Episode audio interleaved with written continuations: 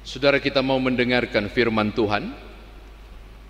Mari siapkan hati dan pikiran saudara Untuk dijamu Allah di dalam kebenaran firman-Nya. Mari kita memohon tuntunan roh kudus Untuk firman Tuhan yang diberitakan ini. Kita berdoa. Ya Bapa dalam Kristus Yesus sumber hikmat dan pengetahuan Anugerahkanlah pengetahuan dan pengertian itu bagi kami ketika sebentar kami akan membaca firman-Mu dari Alkitab dan merenungkannya. Kiranya pula Roh Kudus menolong setiap kami yang telah mengerti firman untuk mampu mengerjakannya. Layakkanlah hambamu dan semua umat Tuhan yang berada bersama dalam ibadah ini untuk dilayakkan di tengah kekayaan firman Tuhan ini. Demi Yesus Kristus firman yang hidup, kami berdoa. Amin. Pembacaan Alkitab hari ini dibacakan dari kisah para rasul pasal 5 ayat 26 sampai dengan yang ke-33. Kisah para rasul 5 ayat 26 sampai 33 yang mengatakan, Maka pergilah kepala pengawal serta orang-orangnya ke bait Allah, lalu mengambil kedua rasul itu, tetapi tidak dengan kekerasan, karena mereka takut kalau-kalau orang banyak melempari mereka. Mereka membawa keduanya dan menghadapkan mereka kepada mahkamah agama. Imam besar mulai menanyai mereka, katanya, dengan keras kami melarang kamu mengajar dalam nama itu, namun ternyata kamu telah menuhi Yerusalem dengan ajaranmu dan kamu hendak menanggungkan darah orang itu kepada kami. Tetapi Petrus dan rasul-rasul itu menjawab katanya, kita harus lebih taat kepada Allah daripada kepada manusia. Allah nenek moyang kita telah membangkitkan Yesus yang kamu gantungkan pada kayu salib dan kamu bunuh. Dialah yang telah ditinggikan oleh Allah sendiri dengan tangan kanannya. Menjadi pemimpin dan juru selamat supaya Israel dapat bertobat dan menerima pengampunan dosa. Dan kami adalah saksi dari segala sesuatu itu kami dan Roh Kudus yang dikaruniakan Allah kepada semua orang yang menaati Dia. Mendengar perkataan itu sangatlah tertusuk hati mereka dan mereka bermaksud membunuh rasul-rasul itu. Demikianlah pembacaan Alkitab. Shalom Bapak Ibu Saudara. Saya percaya dalam kehidupan keseharian Bapak Ibu menyebut istilah tantangan atau halangan atau hambatan hal yang lumrah dan sering kita dengar. Hari ini saya mau berbagi tentang hal yang sama yang dialami oleh para rasul ketika memberitakan firman. Dari pasal 1, eh, pasal 2 setelah Pentakosta hingga kemudian pasal 5 yang kita baca bukan hanya sekali Petrus dan kawan-kawan para rasul mengalami kondisi yang tidak nyaman, ditangkap di penjara, disesah dan diadili karena memberitakan firman. Saya mau berbagi dengan saudara bermula ketika menyembuhkan orang lumpuh di pasal 3 ayat 1 sampai 10 lalu kemudian mereka berkhotbah tanpa ragu, tanpa takut diserambi Salomo. Nah, di situlah kemudian Petrus dan Yohanes ditangkap dan dihadapkan ke mahkamah agama. Saudara bisa baca pasal 4 ayat 1 sampai 22. Lalu menariknya mereka dibebaskan dengan catatan jangan beritakan nama Yesus lagi. Pasal 4 ayat 18. Apakah mereka mematuhinya? Ternyata tidak. Semakin dilarang, mereka semakin berapi-api. Bahkan hasil pemberitaan itu, pemberitaan pertama itu melahirkan 5000 orang laki-laki yang percaya. Saya ulangi, 5000 orang laki-laki yang percaya itu di pasal 4 ayat 6. Lalu kembali mereka memberitakan lagi, mereka beritakan lagi, pasal 5 ayat 17 18 mereka ditangkap. Ketika mereka ditangkap, Alkitab berkata bahwa ayat 20 pasal 5 Tuhan bebaskan mereka. Ketika Tuhan bebaskan mereka melalui malaikat, pesannya begini, segera pergi ke bait Allah dan beritakan kebenaran ini kepada banyak orang. Saudara tahu, bait Allah itu masuk ke kandang singa berarti. Karena di situlah kelompok Farisi, Saduki, ahli agama, ahli Taurat. Di situlah mereka. Pergi Bapak Ibu. Ini orang luar biasa para rasul ini. Akhirnya apa? Ya ditangkap lagi. Di bacaan kita pasal 5 ayat 26 sampai 27 mereka ditangkap lagi dan disidang lagi. Lalu masuk pada bacaan kita saat ini. Pertanyaan sederhananya begini Bapak Ibu. Kenapa mereka ngeyel? Kenapa enggak tobat-tobat? Kenapa kemudian mereka tidak perhitungkan lagi keselamatan mereka? Maksudnya nyawanya. Kenapa mereka tidak perhitungkan lagi rasa malu ditangkap keluar, ditangkap keluar? Kenapa mereka tidak menghitung ulang bahwa semua ini lebih banyak merugikan mereka sendiri daripada menguntungkan. Bahkan kalau saudara baca ayat 28, mereka diancam lagi. Diancam sangat keras. Jangan sampai memberitakannya. Pertanyaannya, mengapa sedemikian? Nanti sebentar saya jawab.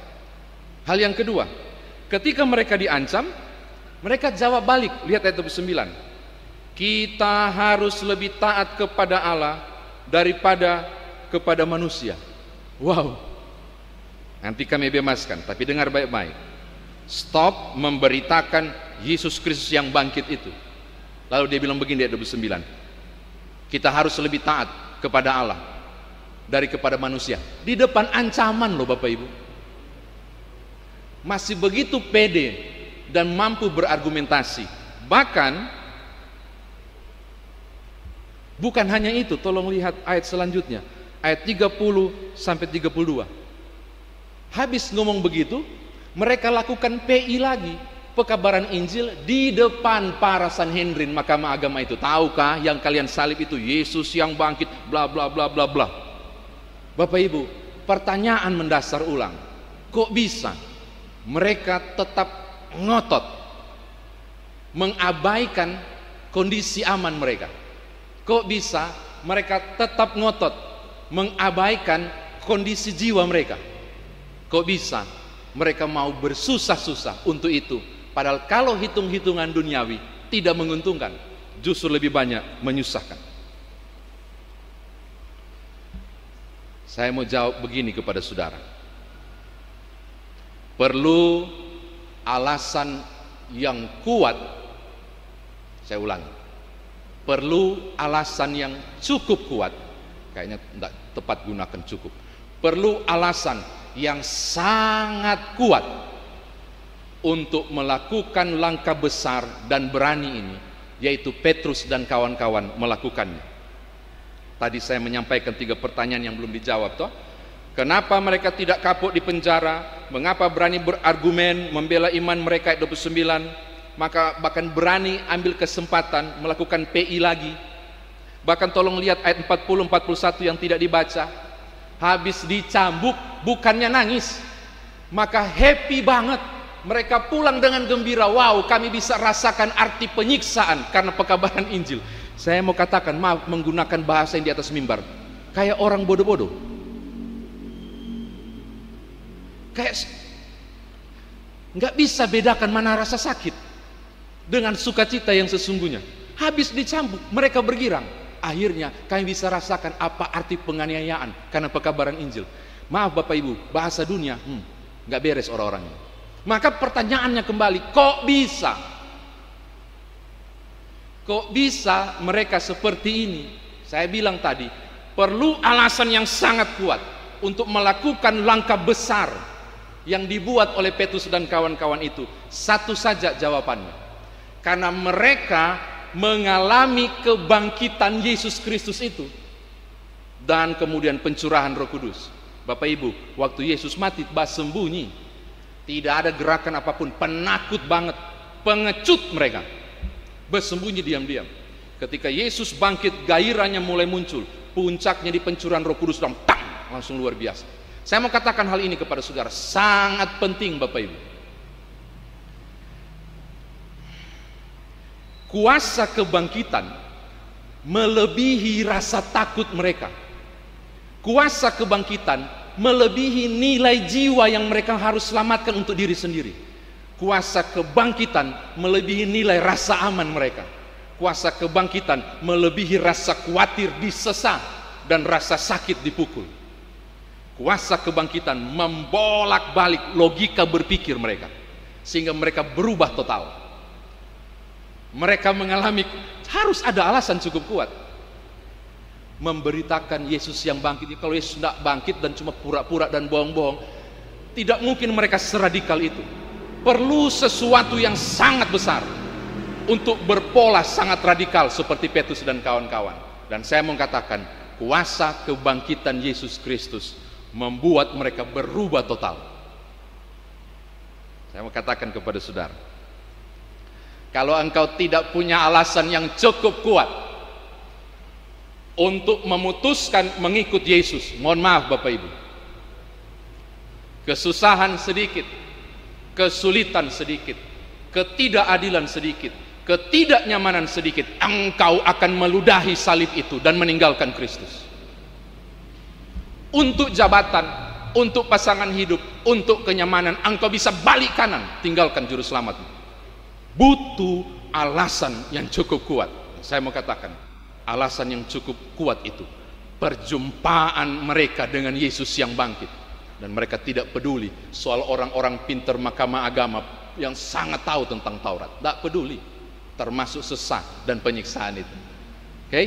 saya mau katakan, saudara butuh alasan cukup kuat. Dan alasan itu pengalaman perjumpaan dengan Allah. Dengan Yesus yang bangkit. Harus saudara harus berjumpa dengan Yesus yang bangkit. Di mana?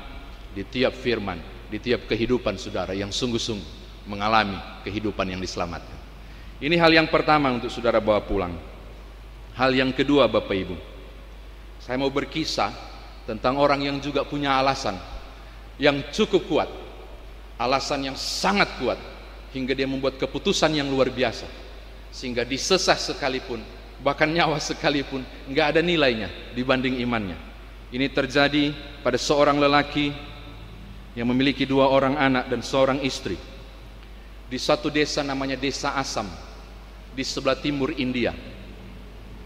Oleh pekabaran misionaris dia satu-satunya pribadi yang terima Tuhan Yesus.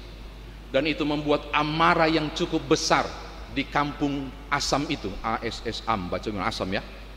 Kepala suku mengumpulkan orang di alun-alun, menangkap dia bersama keluarga dan memaksa dia untuk kembali ke agama purbanya dan meninggalkan Tuhan Yesus 1880-an kisah ini. Ancaman pertama adalah mengambil dua anaknya dan berkata, "Kalau kau tidak meninggalkan Tuhanmu, dan imanmu yang baru pertaruhannya adalah dua anak ini dipegang dan siap dipenggal saudara tahu saya baca ini kisah sedih sekali dan dia menjawab begini I have decided to follow Jesus not turning back not turning back disikat mati sangat mengenaskan kedua anak ini dia diberi kesempatan kedua tinggalkan Tuhan istrimu akan selamat. Tinggalkan Tuhanmu, istrimu akan selamat. Dia jawab juga sesuatu yang sangat menyentuh. Talk no one joins me, joins me, I still, still I follow him. Uh, walau sendiri, tetap ku ikut Yesus. Disikat, istrinya pun mati menggenaskan. Terakhir, tinggal dia sendiri. Kepala kampung katakan, ini kesempatan terakhir. Bapak Ibu, engkau memilih hidup, kata mereka, dia. Pilih hidup atau pilih mati. Menyangkal Tuhanmu, engkau akan hidup. Saudara tahu, jawaban terakhir itu sangat mengejutkan. Dia bilang begini, The cross before me, the world behind me salib di depanku, dunia di belakang. No turning back. No turning back. Habis Bapak Ibu. Empat orang itu mati seketika. Tapi ini bukan endingnya. Justru peristiwa itu menggelisahkan kepala kampung, kepala suku dan orang banyak. Mau cari tahu alasan apa sampai sedemikian dia bilang dia ikut Yesus, mempertaruhkan segala sesuatu. Itu jadi pertanyaan yang cukup tajam. Tidak butuh waktu lama. Kepala kampung itu, kepala suku itu pun mengalami perjumpaan dengan Yesus yang bangkit itu nggak tahu caranya melalui kesaksian empat orang yang mati ini. Cuma karena pertanyaan, kok bisa? Kok bisa? Dia mau mati. Demi pribadi yang kita nggak kenal itu yang bernama Yesus. Justru pernyataan itu dan pertanyaan itu menggubah sesuatu yang dahsyat dari dirinya. Dan dia kemudian mengumpulkan orang-orang di alun-alun. Kot desa dan kampung asam itu kemudian mengalami pertobatan massal dan seluruhnya menjadi desa Kristen terbesar di sebelah utara India. Penginjil Sandur Sundar Singh sekitar tahun 880-an kemudian menggubah kalimat-kalimat itu menjadi salah satu him. Tidak populer Bapak Ibu, tapi yang di, tapi kemudian menjadi populer ketika William Reynolds tahun 1958 mengaransemennya. Dan kemudian pendeta Bill Billy Graham mempopulerkannya dalam setiap KKR dan saudara pasti sudah tahu. I have decided to follow Jesus. I have decided to follow Jesus. I have decided to follow Jesus. No turning back. No turning back.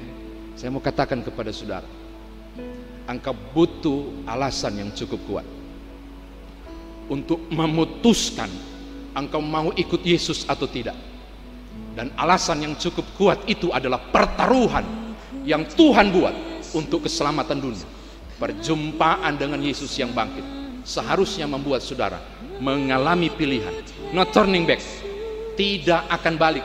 Aku akan mengikut Yesus. Mengikut Yesus keputusanku saya mau katakan menutup khotbah ini kepada saudara yang mendengar firman Tuhan ini melalui kanal YouTube. Engkau yang sulit ambil keputusan, yang saat ini sedang mencemarkan perkawinan dan tempat tidur saudara. Kembali kepada Tuhan karena pengorbanannya sudah berlaku untuk selama-lamanya. Engkau yang sedang di wilayah abu-abu, mau ke kiri kah atau mau ke kanan, kembali ke Tuhan. Not turning back, putuskan sekarang karena pengorbanannya sekali untuk selama-lamanya. Engkau harus punya keputusan yang kuat dan alasan yang cukup kuat. Para rasul bilang begini, aku lebih taat pada perintah Allah daripada perintah manusia. Engkau yang sedang tergoda untuk bisnis tertentu dengan cara yang keliru. Engkau yang merasa rugi oleh karena tidak ada promosi jabatan kan kekristenan. Engkau yang merasa terhimpit justru karena sesuatu yang berhubungan dengan agama dan kepercayaan dan imanmu pada Kristus Yesus. Dan engkau mulai ragu mau lanjutkah atau tidak. Saya mau katakan kepada saudara no turning back. Jangan balik. Jangan balik kanan tinggalkan Tuhan. Tetaplah teguh. Karena kuasa kebangkitan cukup menjadi alasan para rasul untuk mempertaruhkan segala-galanya. Engkau dan aku pun harusnya mampu mengerjakan mengikut Yesus keputusan saudara dan saya. Tetaplah setia. Tuhan berkati Bapak Ibu. Haleluya. Amin